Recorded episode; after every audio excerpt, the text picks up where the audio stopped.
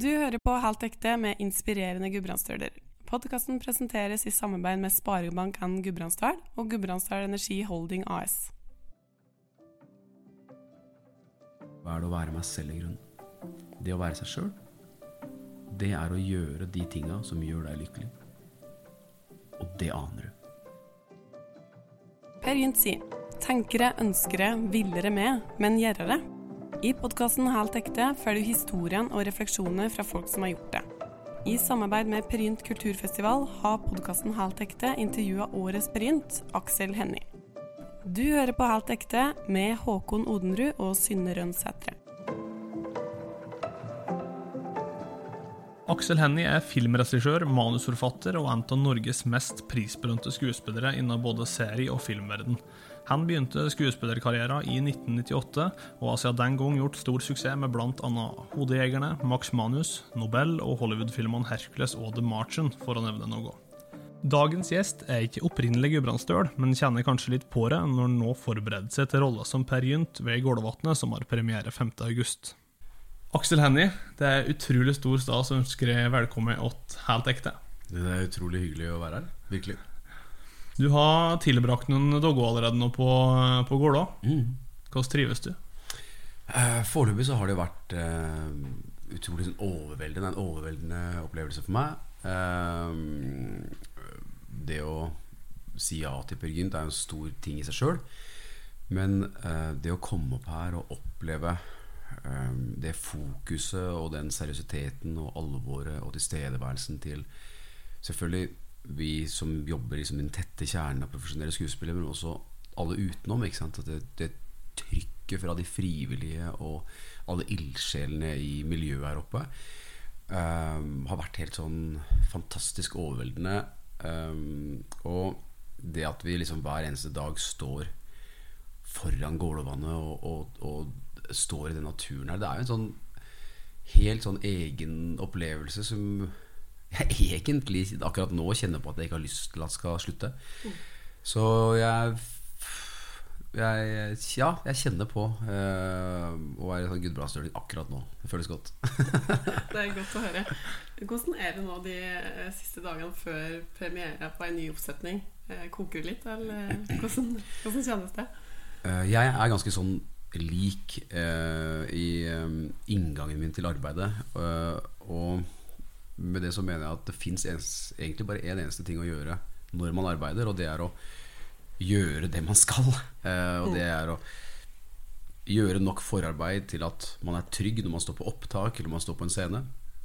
Og eneste måte man kan gjøre det på, det er å lese teksten sin, gjøre den analysen jeg skal gjøre, jobbe 100 når jeg er til stede, uh, og rett og slett bare prøve å bruke den tiden jeg har, så godt som mulig. Og det kan også være å kjøpe seg en fiskestang på Jokeren og, øh, og tenke at en eller annen dag så skal jeg ha muligheten til å ta meg den halvtimen eller den timen. For man må finne de der små øh, øyeblikkene som gjør at man ikke fortaper seg helt, men også har muligheten til å finne ut hvem er, øh, hvem er arbeidet i meg, og hvem er jeg i arbeidet. Mm. Så prøver å finne den balansen. Men først og fremst nå, ja, så er det litt sånn overveldende og mye kok. du har kjøpt fiskestang på Joker? Ja, jeg har kjøpt meg fiskestang på Joker. Jegertvillingene, jegertvillingene sine sånn slukeboks har jeg kjøpt. Eh, for da fikk jeg litt av hvert. Altså litt ekstra. Ja.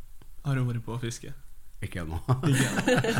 Men det skal skje. Fin avkobling, det, da. Mm. Ja. Du, Regissør Per Olav Sørensen uttaler at en rolle som Per den krever det meste. Mm. Eh, du må være klin gæren sin. Du må ha god fysikk, motet, teknikken, sjarmen og være emosjonelt tilgjengelig. Mm. Eh, hva mener du er det mest utfordrende med denne oppsetninga? Det er et stort spørsmål. Jeg tror nok For meg så handler Per Gynt um, om noe ekstremt menneskelig. Noe veldig nært. Uh, og den største utfordringen er å få den det store diktverket da, som det er, som, som, er skrevet for lenge, lenge siden. Uh, ikke så lenge, men ganske lenge siden. Uh, på en, på, I et språk og en språkform som vi nødvendigvis ikke snakker sammen på hver eneste dag.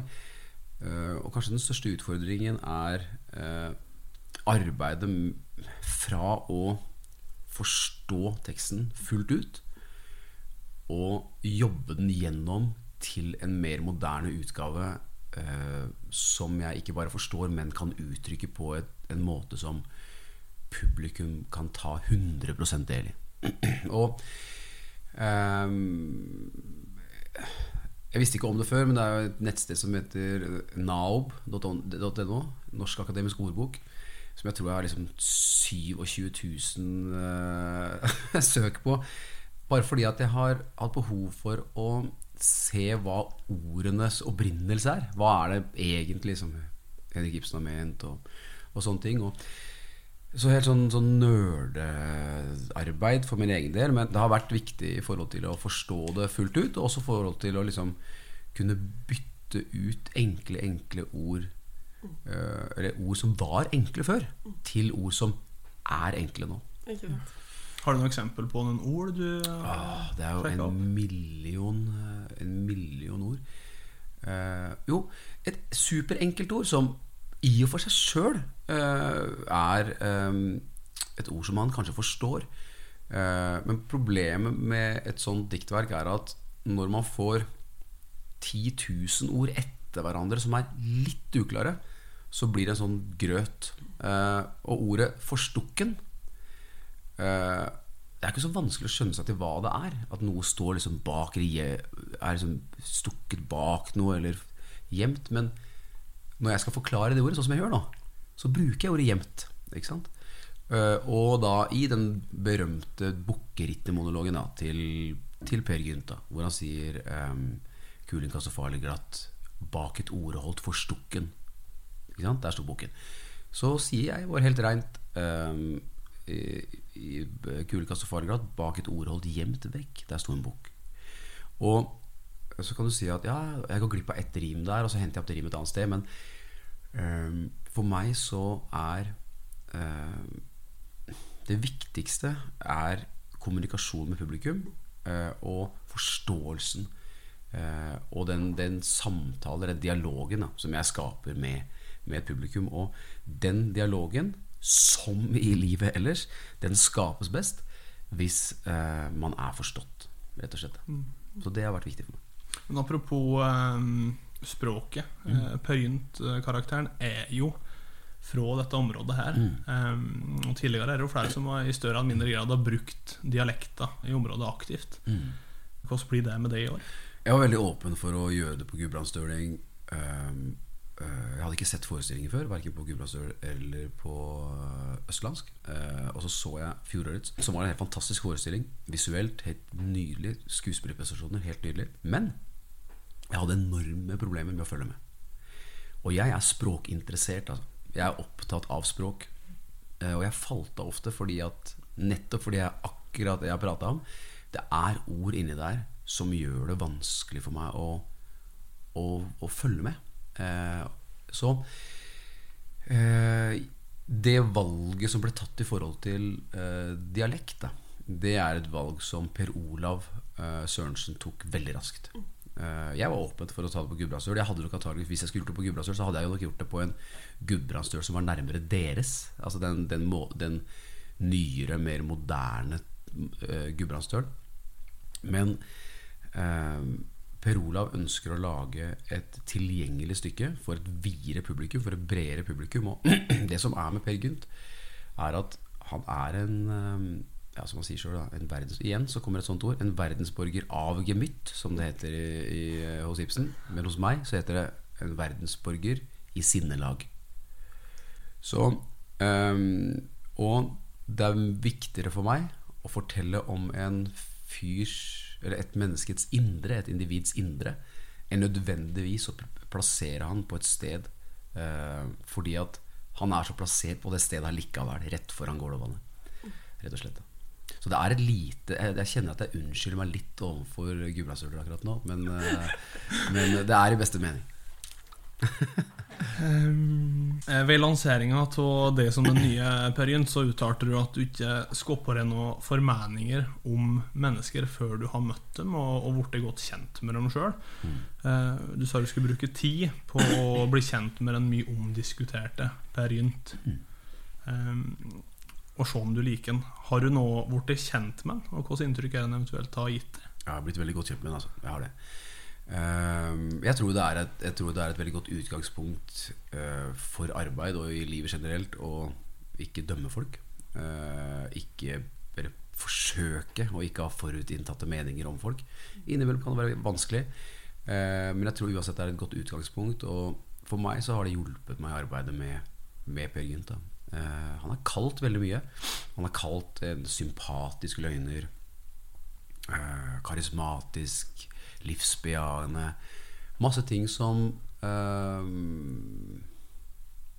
kanskje ikke er det viktigste for meg med den karakteren.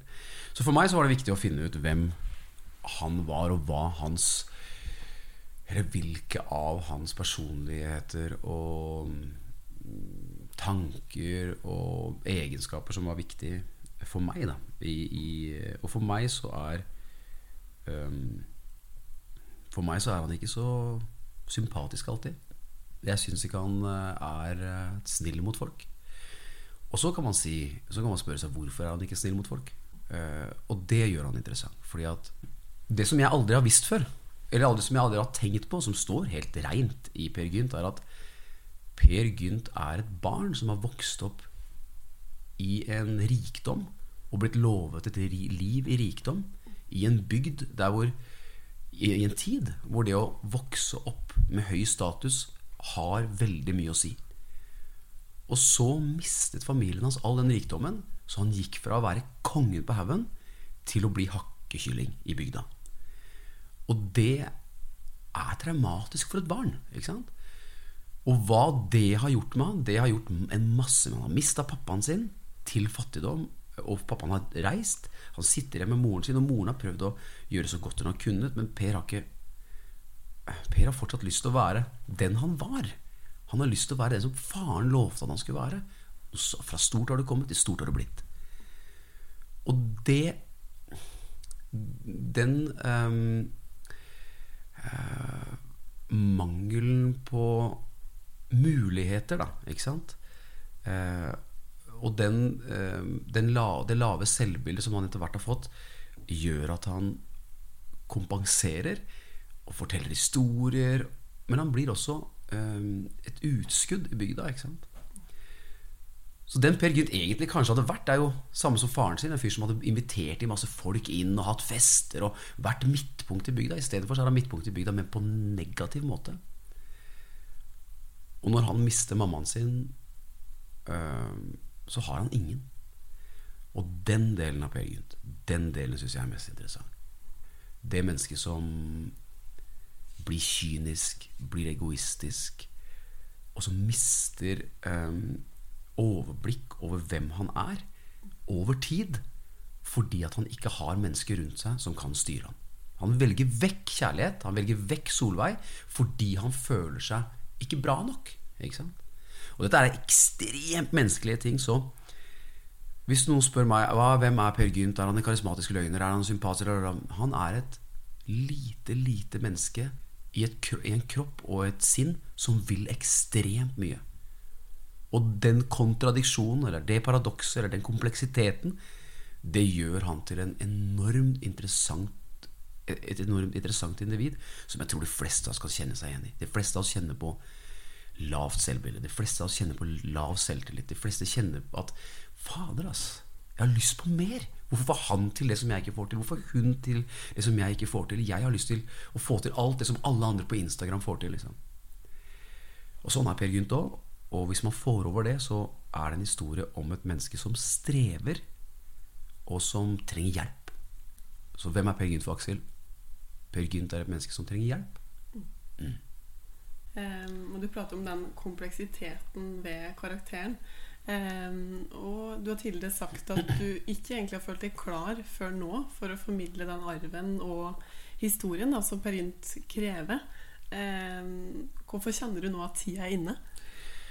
Nå fikk jeg også muligheten til å si at tida var inne, for det var nå jeg fikk tilbud om det. Hvis man skal være helt ærlig.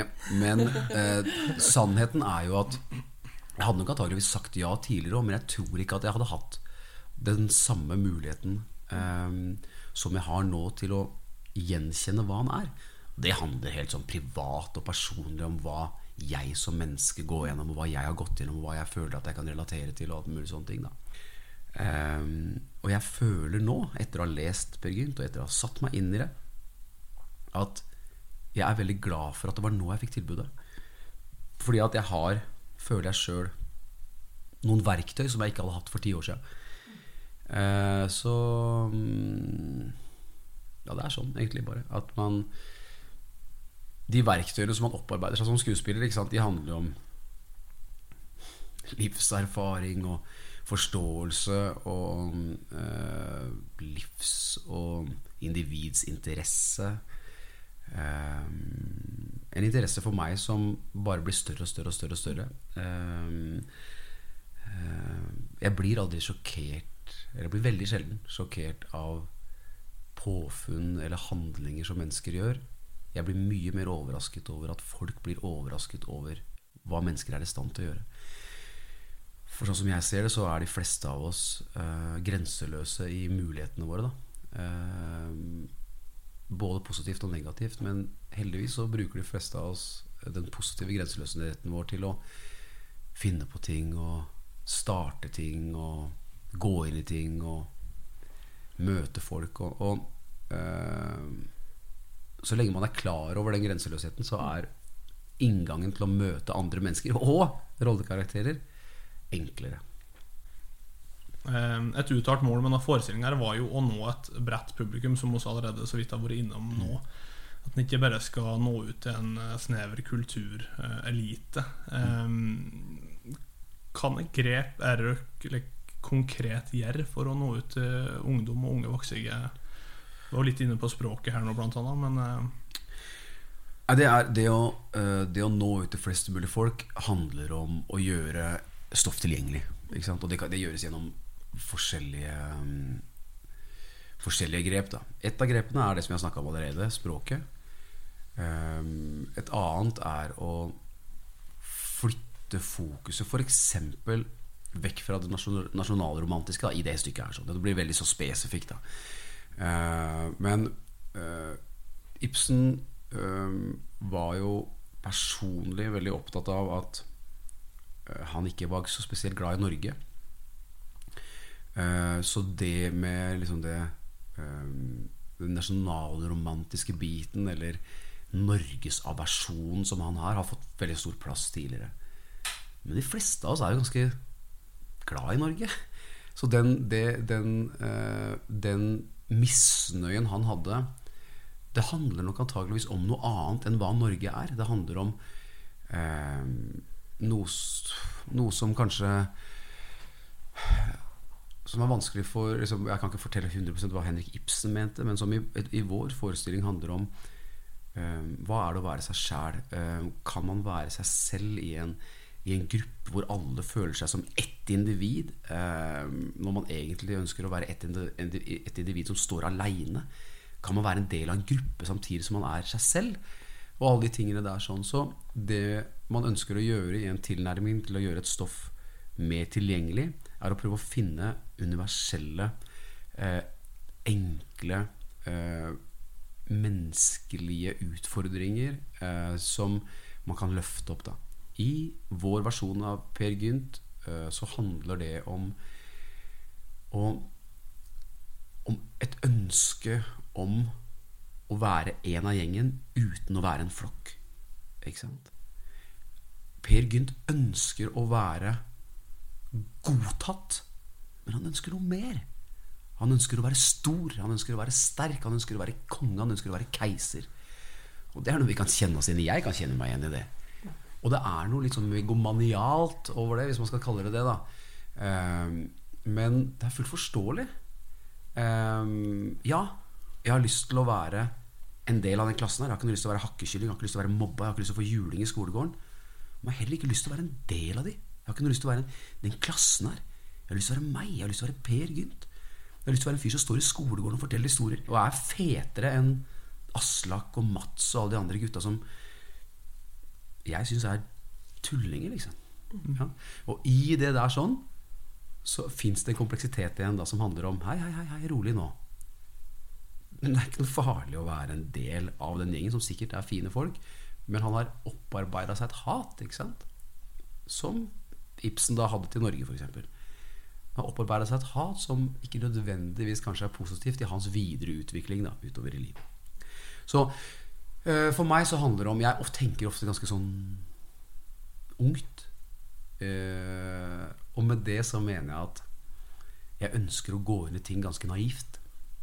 Fordi at, eller Når jeg leser et manus, øh, så ønsker jeg å gå inn med ganske naive briller for å se hva av dette her som kan forstås av flest mulig folk. Du skal ikke være belest. Du skal ikke være intellektuell.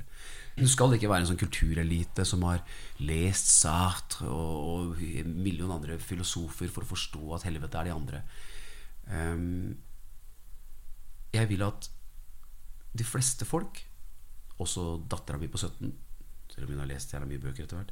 Men uh, jeg vil at flest mulig folk skal kunne se det uten å måtte sitte på et sånn timeslangt foredrag først og skjønne hvem Per Gynt er. Når du kommer inn der og ser meg som Per Gynt, så skal du skjønne hva han går gjennom. Dunk ferdig. Den balansegangen eh, altså For ja, dere, dere ønsker å nå ut til flest mulig med et eh, enkelt, konkret budskap. Mm. Men, nei, men er... ikke nødvendigvis enkelt og konkret budskap, men ja. nei, nei, men, men for, i hvert fall prøve å bryte det litt mer ned, mm. ja, og gjøre det forståelig. Mm. Eh, men det er samtidig nokså avansert eh, altså Hvis man ser på et historisk-biografisk perspektiv, som du er mm. inne på med, med Ibsens hat overfor Norge og den kritiske mm. røsta der, blant annet, så er det jo eh, Altså, hvordan skal man balansere det? Hvordan skal man både treffe en, en kulturelite, men samtidig de, de yngre? Altså fan både pose og sekk? Ja, det tror jeg. Det tror jeg absolutt. Det tror jeg absolutt. Teksten er så kompleks. Teksten er så rik. Karakterene er så fasetterte. Og altså, Per Gynt i seg sjøl er så interessant at du har ikke sjans til å liksom gjøre noe som er rett fram. Det går ikke. Um, så min jobb er jo uh, å lage den hans bue, ikke sant? hans prosess, forståelig. Og hvis jeg klarer det, så uh, Du trenger ikke være uh, Eller det vil si en intellektuell eller en kulturelitistisk person er ikke mindre interessert i et mangefasettert menneskesinn enn det en mindre kultur Altså en, et menneske som er mindre kulturelt interessert eller opplyst eller, opp, eller opplest. Uh, så det handler jo om det handler bare om å lage disse universelle tankene og egenskapene og historiene og inngangene tilgjengelige, eh, forståelige. Eh, men de er uansett så godt fortalt da, eh, og satt i et så komplekst og interessant bilde at du, du har ikke sjans til å miste noen på å gjøre det forståelig.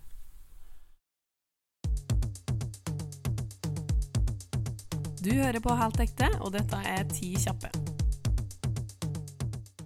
Hvis du kan reise hvor som helst i morgen, hvor reiser du da? Akkurat nå så reiser jeg ned på hytta mi her på, på Gålå. For jeg vil ikke være noe annet sted akkurat nå. Hva er det beste komplimentet du har fått? Åh, det beste komplimentet jeg har fått, er at jeg er snill. For det er jeg ikke alltid enig i, så det er veldig deilig å høre det. Er du A- eller B-menneske? 100 B. Du kan tilbringe en halv dag med hvem som helst person. Hvem hadde det vært? Kona mi. Nevn tre ting du ikke kan leve uten. Unge nummer én, unge nummer to, unge nummer tre. Da hadde jeg flaks at det ikke var fire At det ikke var to ting. ja. Favorittfilm? Oh, det er en film som heter The Indian Runner. Det er regidebuten til Sean Penn.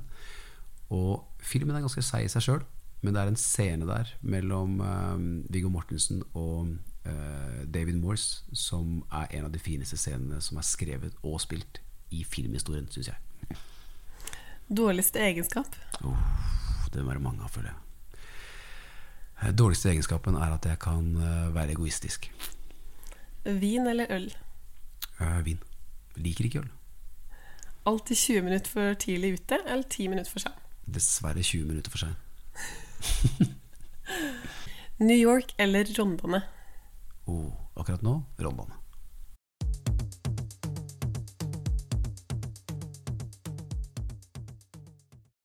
Vi tenkte å skulle prate litt mer om eh, det. Eh, du vokste opp på Lambertseter i Oslo. Mm. Eh, og du har eh, tidligere beskrevet deg sjøl som en ungdom med mye energi. Veldig kreativ fyr. Mm når starta den interessa for skuespill for din del? Ja, hvis du spør meg, så sier jeg jo at den interessen starta et eller annet sted um, liksom i, i ungdomsalder. Jeg hadde jo lyst til å bli kunstner, jeg hadde lyst til å bli maler. Drev med graffiti. Hadde lyst til å søke meg på um, altså Statens kunsthøgskole, uh. Uh, så skjedde det ting i livet mitt som gjorde at uh, det, ikke, det ikke skulle skje. Eh, blant annet at jeg veldig, veldig, veldig lett fikk gode karakterer f.eks. på skolen i drama. og at ting kom veldig lett for meg. Og så ble jeg med på skolerevy på videregående skolen min og fikk enormt mye ut av det. Men hvis du spør faren min, eller mora mi, eller min mamma nummer to, eller hvem, folk som har vært rundt meg hele livet mitt så uh, vil de si at jeg har visst det hele livet. Fordi at jeg har alltid liksom rekt opp hånda først hvis det har vært en skoleforestilling, eller hvis jeg har vært på en eller annen sånn sydentur til Mallorca, eller så har jeg stått på scenen på sånn derre Ving-show, du veit. Sånne ting. Så jeg har alltid gjort Jeg har alltid vært opptatt av eh, Av å uttrykke meg, da. Ikke sant? Og det var jo det som handla om det, det, det kunstneriske, den male-tegnebiten også. At jeg har et eller annet inni meg som skal ut på en eller annen måte. Og så har jeg funnet et eller annet verktøy, en, et eller annet um, En eller annen måte og et eller annet uh, Ja, en eller annen vei da å formidle det. Ikke sant? En uh, Per Gynt er jo en veldig drømmende og eventyrlysten skikkelse som de færreste i bygda hadde tro på. Um, Solveig og Morose kanskje er eneste som, som heier skikkelig på han. Men hvor viktig mener du at det er noen som tror på han?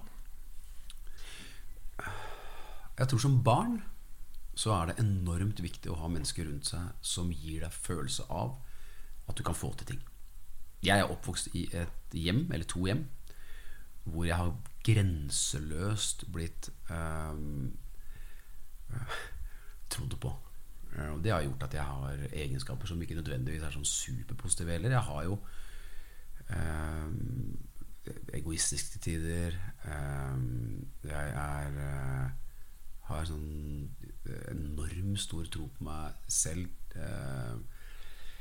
i enkelte situasjoner. Samtidig som jeg har altså, høy selvtillit og lavt selvbilde innimellom. Og, men men jeg tror nok at den, den kjærligheten som du putter inn i barn, og den,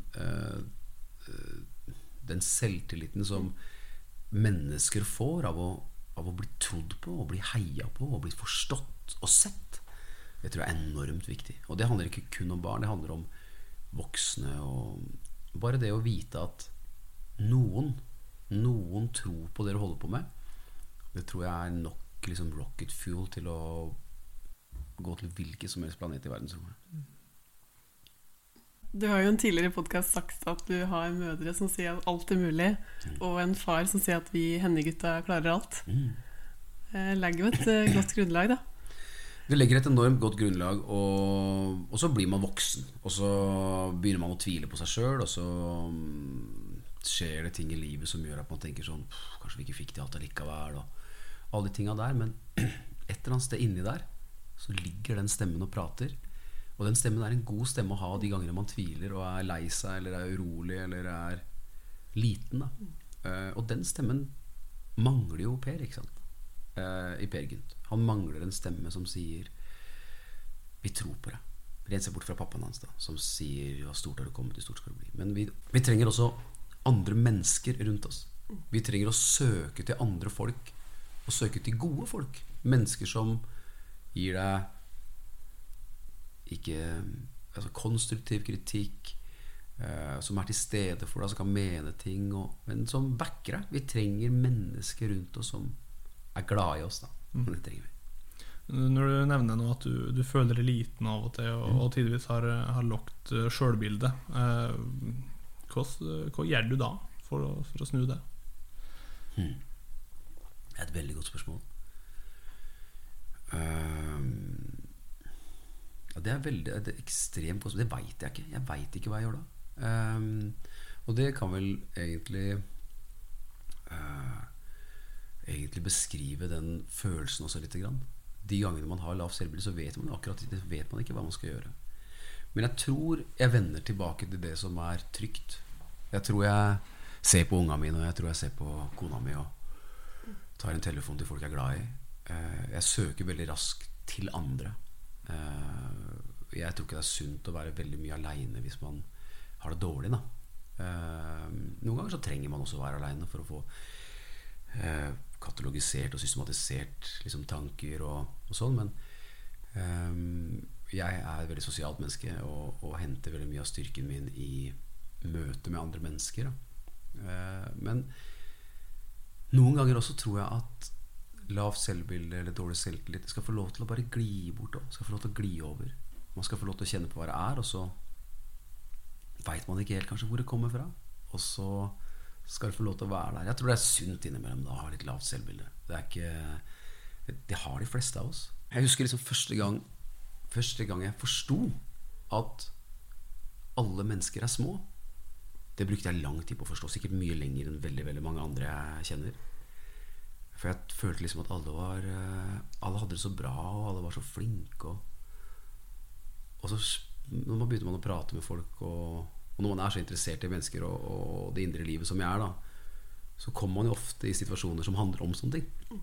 Og da skjønte man jo plutselig at faen, jeg er jo ikke aleine om dette her sånn. Det er jo alle er sånn. Og det er godt, altså, i møte med mennesker, å vite det. Det gjør, man, det gjør også at man i møte med andre mennesker hvert fall burde være, det er ikke alltid man klarer, selvfølgelig. Men man burde også være liksom forsiktigere, kanskje. Fordi at alle er så sårbare som vi er. Eh, jeg tenker jo det at Ibsen har jo skapt en eh, som du var inne på, en eh, kompleks karakter i Per Gynt. Og, og, de tingene du prater om nå, er jo eh, en del av hans, hans egenskaper òg. Og det er jo kanskje derfor så mange eh, kjenner seg att i han. da mm. Og det med at han er kreativ, fullt av fantasi og eventyrlysten på den ene sida, men samtidig ansvarsløs. Eh, med en tendens til å trekke seg unna alle utfordringer og vanskeligheter. Mm. Eh, og det sies jo at blodet aldri så tynt. Den kjenner seg støtt i slekt med Peer Gynt. Mm. Eh, og så har jeg jo vært litt inne på det, men like, eh, hvordan er det du kjenner i att din Per? Det er så mange forskjellige innganger som jeg kan kjenne igjen. Så mange forskjellige menneskeegenskaper. Og jeg tror også, og det er jo det tilbake til det du spurte om i stad, hvordan skal man får man i pose og sekk i forhold til uh, kulturelite og folk som ikke er så kulturinteresserte. Det får man fordi at Henrik Ibsen har klart å skape en karakter som er så full av egenskaper som alle kan kjenne seg igjen i. Um, nå har vi snakka litt om de egenskapene han har, men um, jeg tror Per Gynt er det mennesket Eller er hva veldig mange av oss ville blitt hvis vi hadde bare gitt eh, de, alle egenskapene våre bare fritt spillerom.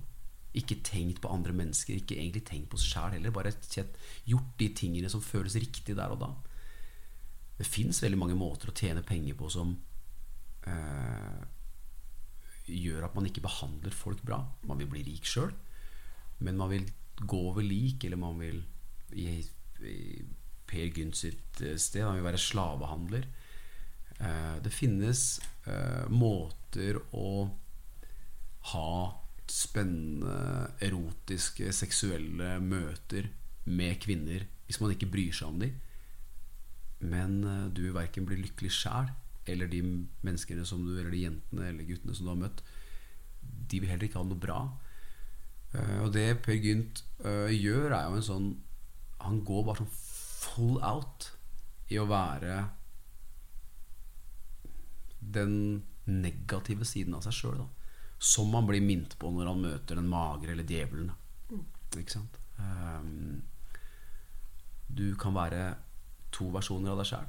Du kan være den positive, og du kan være den negative. Og et eller annet sted mellom der så turnerer vi mennesker livene våre. Men Per, han har valgt å gå veldig veldig langt over på den negative siden. Ikke sant? Eh, så han er jo egentlig, da, som han sier selv, en adgangsberettiget mann til helvete. da eh, Og det er jo det som gjør at jeg ikke kan svare at han er en sympatisk løgner. Fordi at jeg føler at han er altfor stygg mot altfor mange. Men heldigvis, heldigvis så skal han få en siste sjanse på et eller annet tidspunkt. Og heldigvis så kan vi som publikum, igjen til det spørsmålet i stad som handler om hvordan kan dette her være tilgjengelig for flest mulig folk I Per Gynt så gis det et svar om hvordan vi skal være som mennesker. Ikke sant? Så kan vi være enige eller uenige i det. Men det handler om å være trofaste. Det handler om å være positive. øh, Og det handler om å tilgi. Og det er tre ting som står veldig sentralt i vår øh, ja, Både i, vår, i vårt samfunn, i vår religion, i vår tid. øh, Og burde stå sterkt i samtlige mennesker. da Em,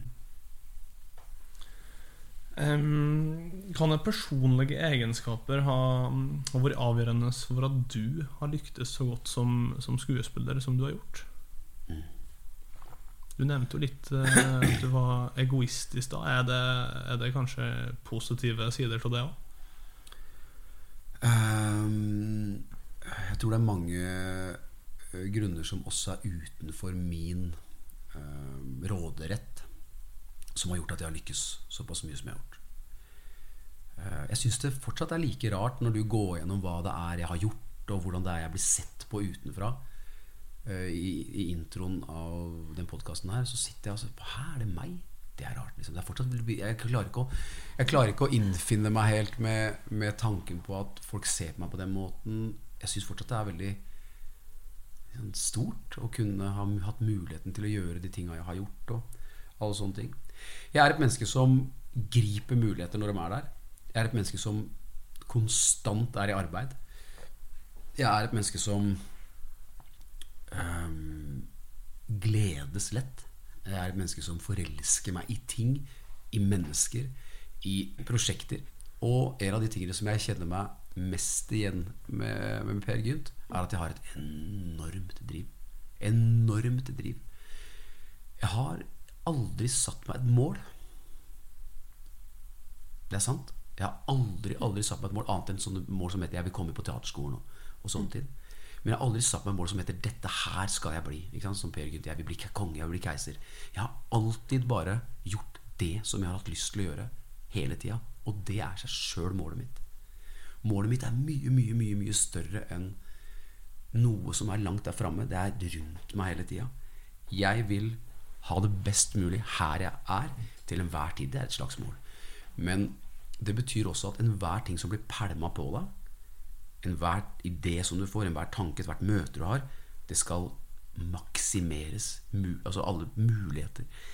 Så jeg tror nok at den galskapen da innimellom som folk sier at jeg har, som jeg mener bare er meg, men som handler om at jeg mister meg sjøl litt i, i møte med ting. Jeg blir som et barn. Da. Jeg er veldig liksom, jeg, Innimellom så må jeg sette bånd på meg sjøl. For jeg, jeg kan være i en gruppe, jeg kan være i et rom, og så er jeg ekstremt engasjert og ekstremt Jeg snakker veldig mye og sånn, så går jeg ut derfra og tenker sånn Nå Fy faen, liksom.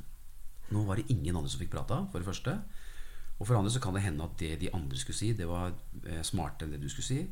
Så får jeg dårlig samvittighet for litt lavt selvbilde igjen. Men, så, men jeg har en sånn Det er en sånn eh, grenseløshet i meg som menneske som jeg faktisk har blitt litt bedre til å styre. Faktisk. Det er jeg glad for.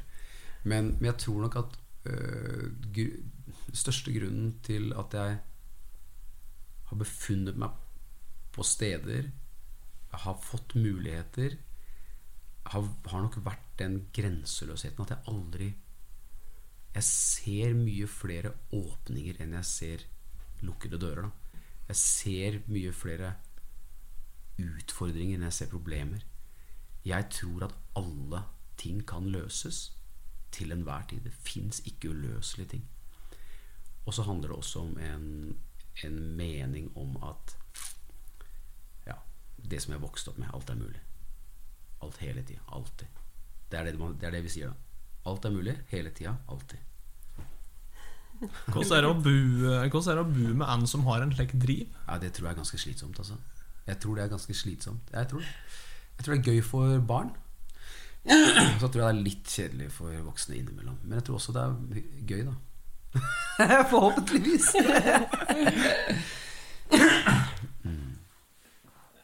Du, det hostes litt uh, her, Aksel. Er du, er du redd for, uh, for sykdom nå når det virkelig nærmer seg? Nei.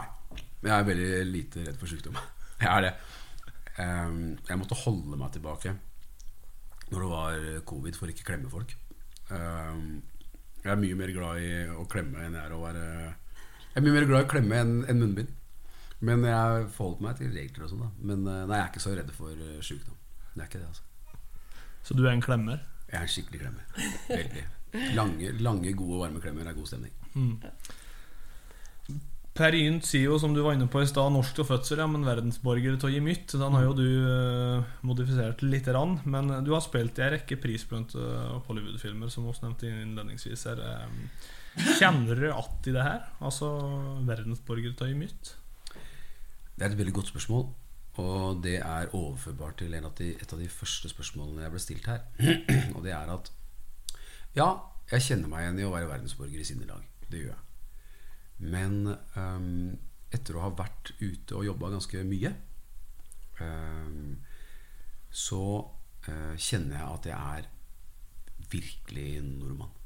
Um, det å Jeg kom til et punkt i, i livet mitt og karrieren min nå som ikke er så lenge siden, kanskje et år siden, hvor jeg tenkte nå har du vært for lenge unna kjernen din.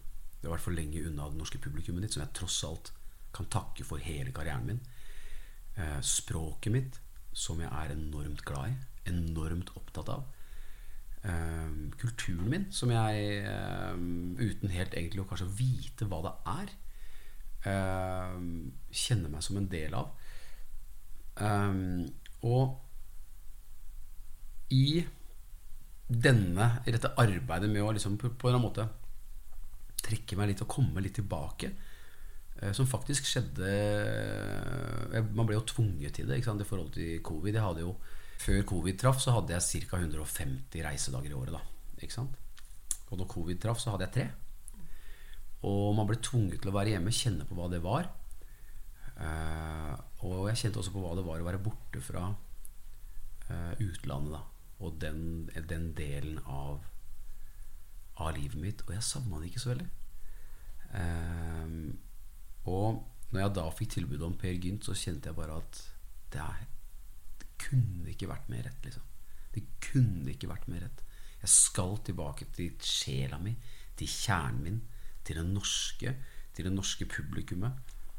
Um, og um, det er mye lettere å miste seg sjøl uh, i utlandet. Ref.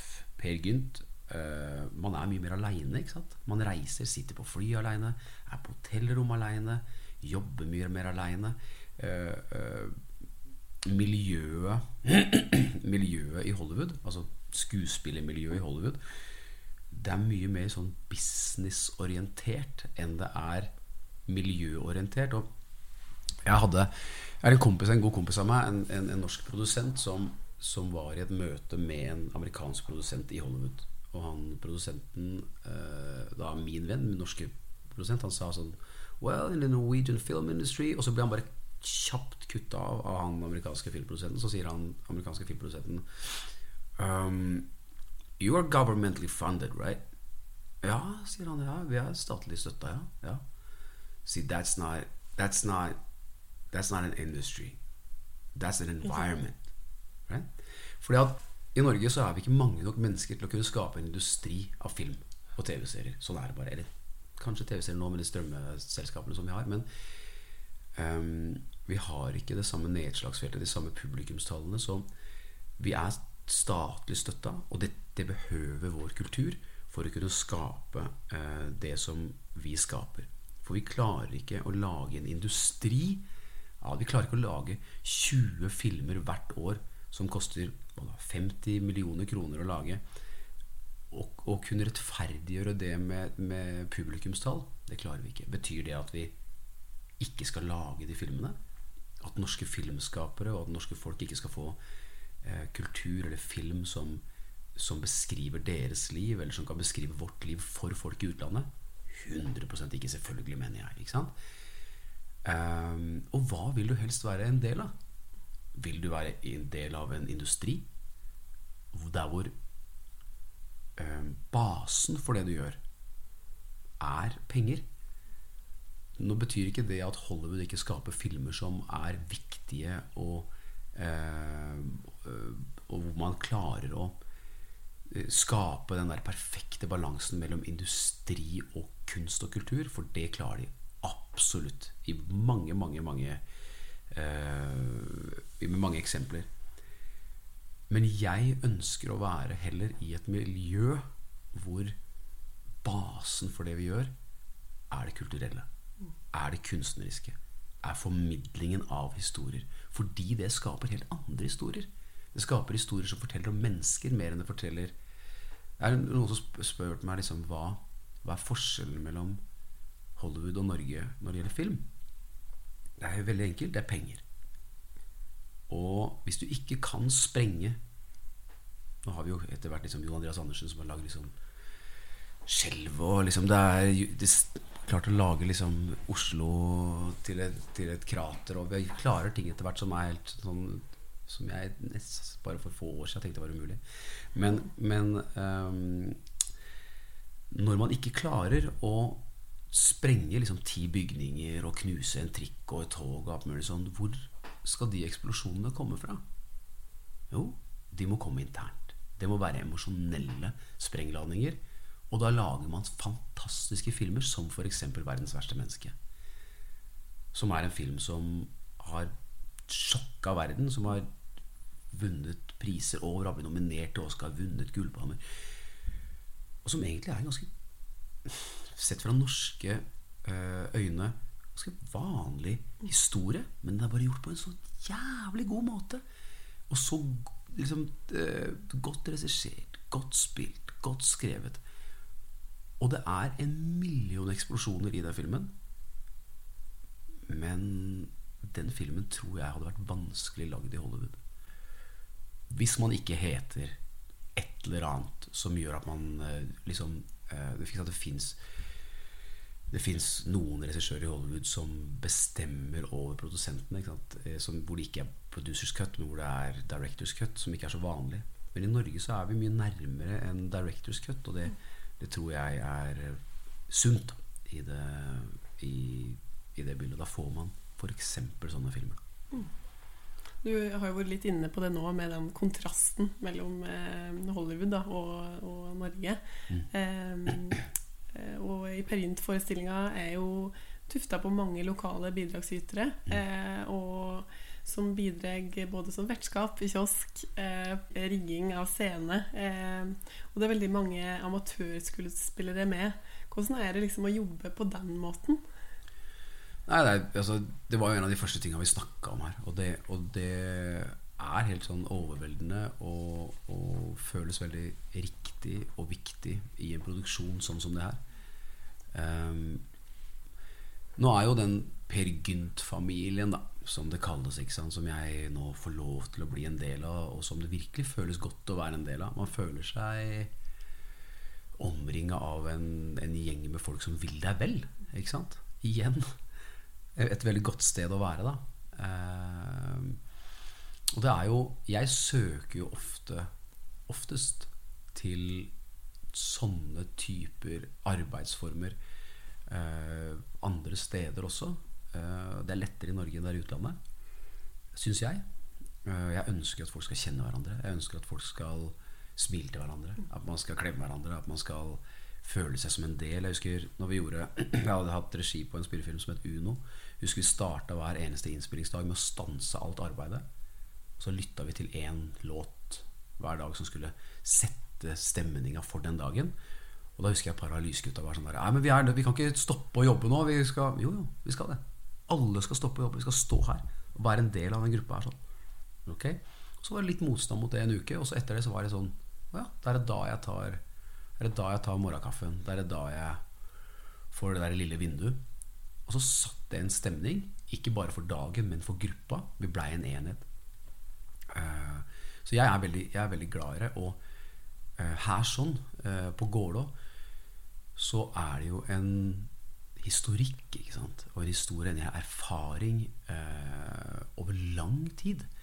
Så man kommer jo inn i noe kjent og kjært, som oppleves kjent og kjært, uten at man nødvendigvis er en del av det før man kommer inn. Men man føler instantly at man er en del av det, og det er overveldende og unikt. Virkelig, altså. Og jeg er veldig takknemlig for det. Eh, Per Gynt beskyldes jo for å aldri ta ansvaret, som vi var innom tidligere. Og det illustreres kanskje godt med denne eh, laukscena, der eh, Per angivelig har mange lag, men ingen indre kjerne. Um, litt inn mot vårt konsept her, da vil du si at en Per Gynt er helt ekte? Det har fullt av hjemmebakte boller i munnen. um, mm, så jeg skal Men um, Oi, det er et svært spørsmål. Uh, et veldig stort spørsmål. Altså, er et veldig godt spørsmål. Ja, det skal jeg prøve å svare på. um, jeg tenker um, at for det første Per Gynt er 100 helt ekte. Uh, han er ikke noen god versjon av seg sjøl, men alt han gjør, gjør han på ekte. Uh, det må vi huske på som mennesker når vi feiler òg. At uh, vi er også ekte når vi gjør feil. Vi er også ekte når vi er ikke helt oss sjøl. Fordi at så lenge vi ikke helt veit at vi gjør noe som er falskt eller uekte, så er det oss. Det er når vi begynner å ljuge med vilje om hvem vi er, at vi ikke er helt ekte. Og jeg tror ikke, kanskje eh, til forskjell fra andre folk som har lest Per at han veit at han ljuger. Fordi at han har et spørsmål til knappestøperen når han møter, ser liksom døden i hvitøyet. Så har han ett spørsmål som jeg mener er kanskje stykkets viktigste punkt. Da. Hvor han spør knappestøperen Han har snakket om å være seg sjøl hele stykket. ikke sant? Så vi regner med at han veit sånn cirka hva det er. Men så ser han på knappestøperen så sier han ett spørsmål bare. Hva er det å være seg selv i grunnen? Mm? Han veit ikke. Han veit ikke hvem han er. Han veit ikke hva han har vært. Han er forvirra, liksom. Han aner ikke helt Han veit ikke om han har gjort det riktig. Ja. Og den løkmonologen, den er mer for meg enn en det er å ikke ha kjerne. For hva er det å ikke ha kjerne? Er det noen av oss som har kjerne? Hva er kjernen min, da? Har jeg én kjerne? Absolutt ikke. Hvis man tror Og dette er min lesning av Per Gynt. Hvis man tror, når man ser Per Gynt, og tenker at å ja, han har ikke kjerne, han Kjenne det litt i deg sjøl. Har du en kjerne? En kjerne? Vi har ikke kjerne. Ingen mennesker har en kjerne. Hva er kjernen vår, da? Ja. Vi er basert på lag, alt sammen. Og de lagene er større og mindre, og mer viktig og mindre viktig. Noen lag er sjuke, andre lag er friske. Og det nærmeste man kan komme en kjerne, er kanskje det å være et godt menneske.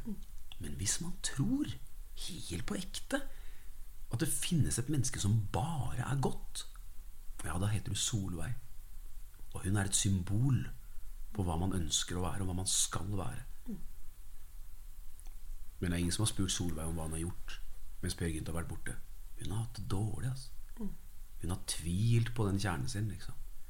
Jeg tror de fleste av oss er uten kjerne. Men det betyr ikke at de lagene våre er mindre verdt. Ja?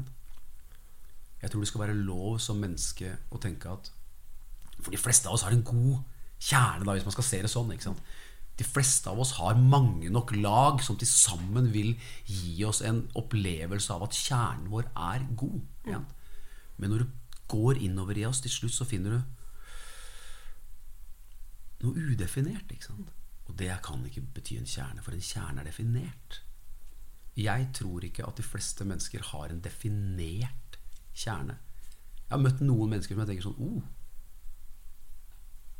Det er kanskje nærmere noe definert enn det kanskje jeg er. Men jeg tror ikke man skal være redd for å ikke ha kjerne. Jeg tror man skal være flinkere til å bygge lag som eh, har da et snev av hvem du er. Ikke sant? Som han sier, sier Per Gynt sier Her er passasjerlaget skralt og tynt, men da er det likevel et snev av Gynt. Mm? Og Så det handler om å, at de lagene som man har, de lagene som man skaper Ok, det her er studentlaget. Da var jeg student. Hva er det for noe? Hvordan var jeg da? Å ja, jeg var ganske ok mot folk da, i studietida mi. Jeg hjalp hun ene med å få bedre karakterer. Jeg hadde et godt liv sammen med den kjæresten, og det bruddet gikk ganske bra. Ja, kom jeg ganske greit unna. Videre utdannelse. Hvordan har jeg vært da? Jeg har oppført meg ganske bra. ikke det? Og så har jeg fått til den der leiligheten. Det er fett. Ja, det laget er også ganske solid.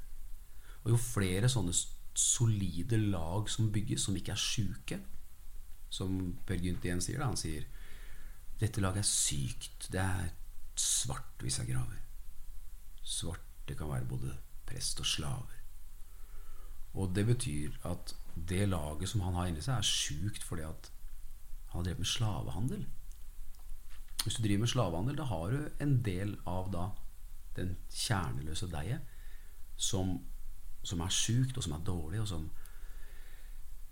som ikke er oppbyggende i hvem du er som menneske. Da. Så det handler vel egentlig kanskje øh, Hvis det lille barnet da som vokser opp på den Gynt-gården, hvis det er kjernen din ikke sant? Det er jo naivitet. Så det kan ikke være en kjerne. Men så bygger og bygger og bygger og bygger, og bygger, og bygger, og bygger og så kommer du til det ytterste. Igjen så, eh, ytterste laget. Som igjen, igjen når vi snakker om ord, da. Her har du det ytterste forrevne lag, skriver Henrik Ibsen. I min versjon, eller i vår versjon, i Per Olavs versjon og min versjon, så heter det her er det ytterste i stykkerevne lag. Ja. Og de fleste av oss skjønner hva forrevne er, men jeg kan ikke ha mange sånne ord etter hverandre, for da faller jeg. Men i stykker revent, det skjønner jeg. Med én gang. I stykker, var som er slått ned i stykker? Er han sjøl? Er andre?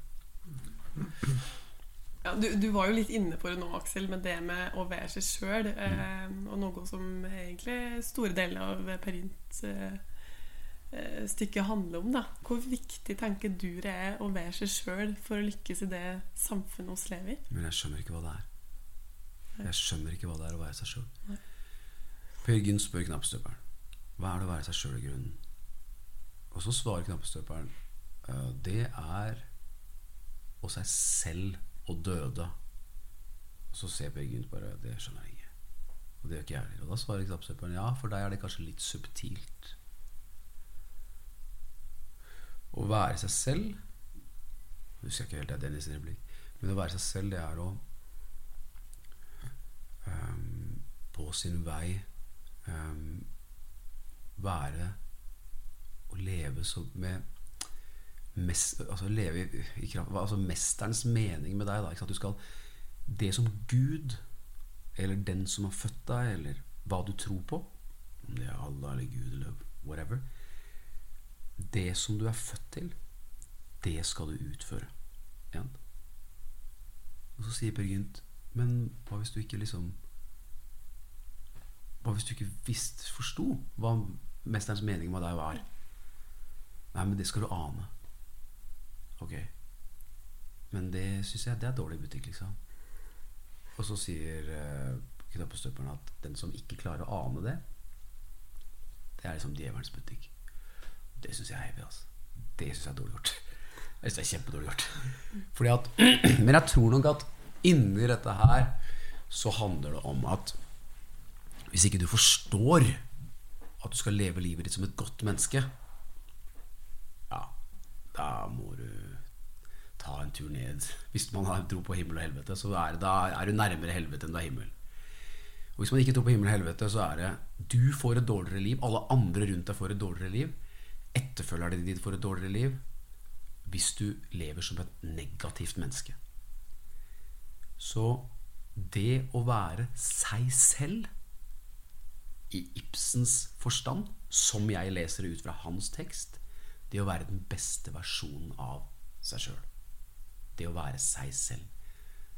For det å være seg selv i seg sjøl, det er du uansett. Det kommer du ikke unna. Jeg er bare meg. Jeg er meg. Per Gynt spør uh, Bøygen Hva er du? Eller hvem er du? Um, jeg er meg selv. Og da svarer Per Gynt det dumme svaret. Det kan du spare. Det gjør ikke saken klarere. Ja? Og det er helt riktig. Det hjelper ikke å fortelle meg hvem jeg er meg selv, jeg er meg selv, jeg er meg selv. Jeg er meg selv. For du finner ikke noe i det. Du kan leite og leite og leite. og leite, og leite. Som jeg sier, Du kommer ikke fram til en kjerne. Men du må forstå hvordan du skal være mot og med andre folk. Og det som trollene Jeg, jeg syns akkurat det spørsmålet er så vanskelig. Det er så superkomplisert, og veldig mye av det handler om, om stykket. Men trollene ikke sant, som man møter, som er liksom den flokken ikke sant? De sier 'troll, vær deg sjøl nok'. Bare vær, nok, vær deg sjøl nok til at du kan være en del av gjengen. liksom Du trenger ikke å, bare, du trenger ikke å være liksom 100% Du kan bare være litt, liksom. Men sånn som jeg ser det, så er man seg sjøl uansett hva man gjør. Men du må jobbe. Du må gjøre en innsats. Og hvis du ikke gjør en innsats, så slipes du ned. Så blir du kynisk, og så blir du egoistisk, og så blir du alle de tingene. Så det handler mer om det å være seg sjøl. Korte svaret er alle er seg sjøl. Men for å være en versjon av seg sjøl som kan få til det som du skal få til som menneske, da er du nødt til å mm, arbeide og forstå at du skal være god. Ja. Så det er veldig subjektivt? 100% Det er 100% subjektivt. Det fins jo mennesker som velger den negative veien fordi de tror at det er det rette. Ikke sant? Som kanskje også oppleves positivt for de Så eh, det å være seg sjøl er jo det mest individuelle du kan komme borti. Liksom. Hvem annen skal fortelle meg at jeg ikke er meg sjøl? Ja. Mm. Og det er derfor du ikke nøler på at Per Gynt er helt ekte? 100%, 100%. Mm. Uh, men uh, man vil jo helst være en helt ekte, god versjon av seg sjøl. Er du den uh, beste utgaven til deg sjøl? Ikke alltid. Jeg er ikke alltid det. Jeg er ikke det, altså. Det er kanskje ingen som er? Uh, kona mi er ganske nærme. men, uh, men uh, Nei, jeg tror at Jeg tror at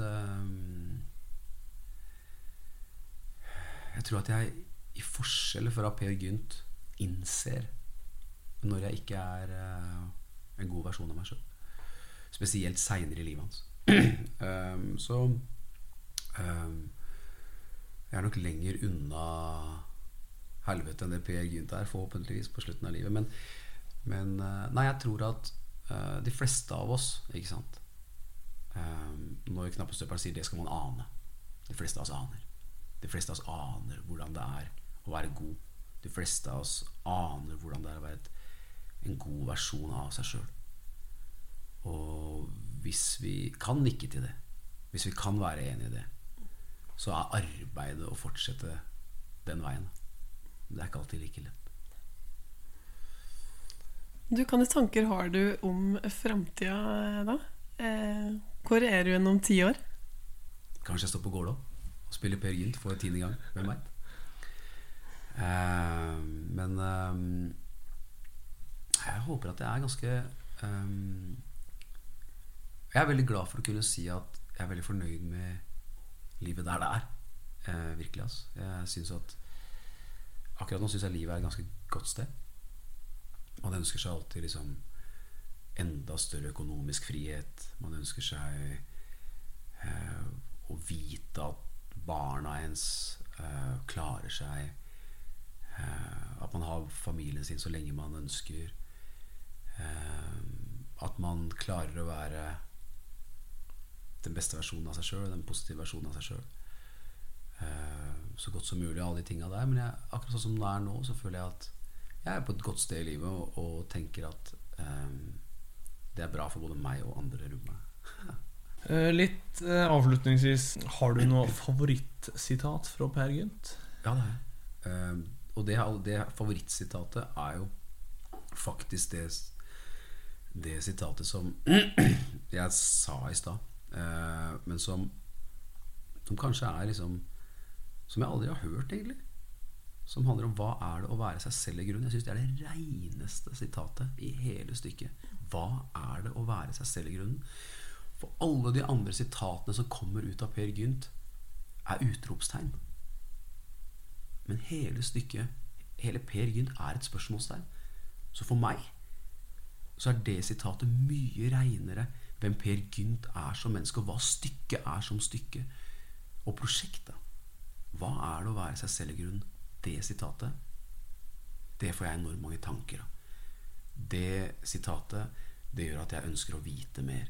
Så fins det en bunch med sitater som er helt fantastiske gjennom hele stykket. Men de fleste som jeg liker best, det er um, spørsmål, ikke utropstegn. Hvem er jeg? Hvem er du?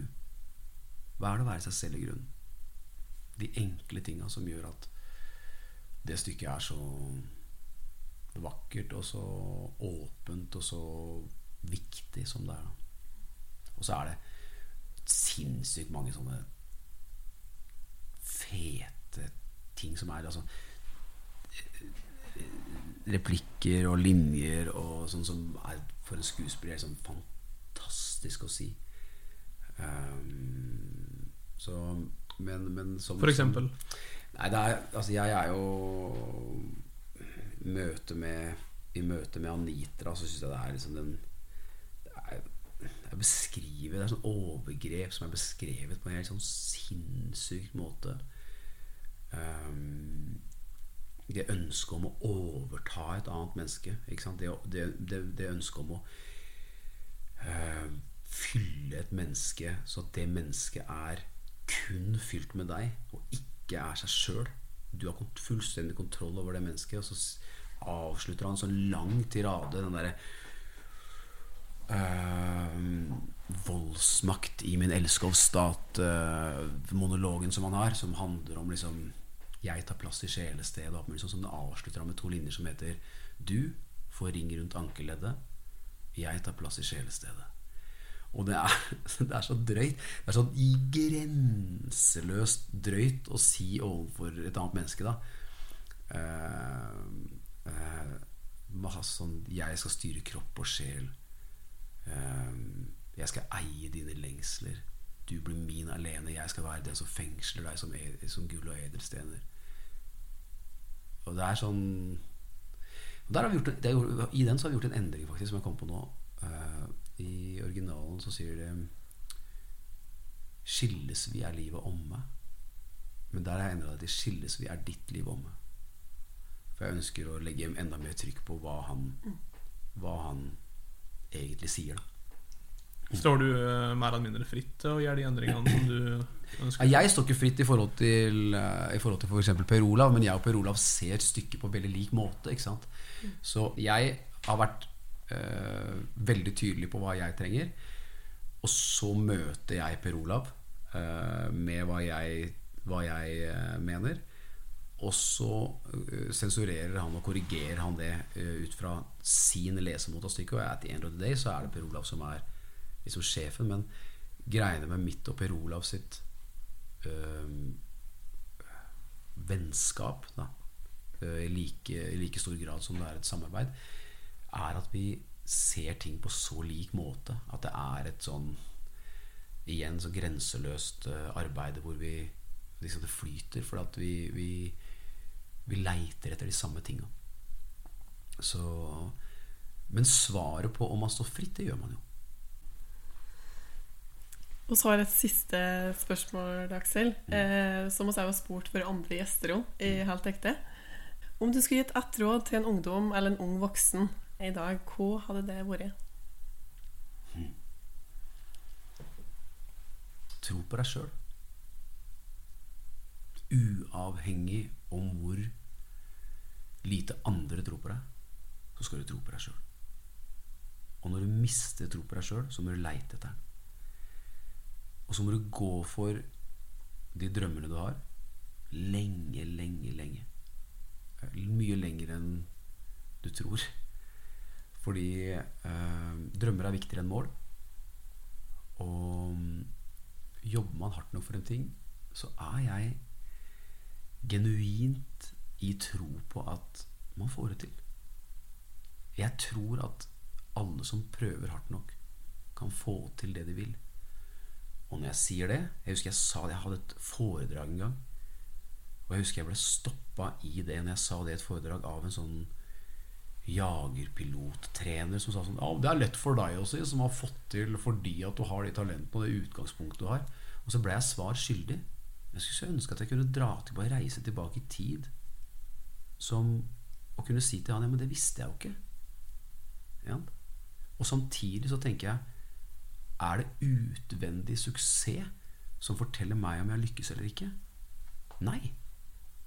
Hvis Aksel Hennie som skuespiller nå hadde drevet en friteatergruppe et eller annet sted i landet, tjent minimalt med, med penger, men fikk drive med akkurat det han ville Betyr det at jeg har mindre suksess i livet mitt?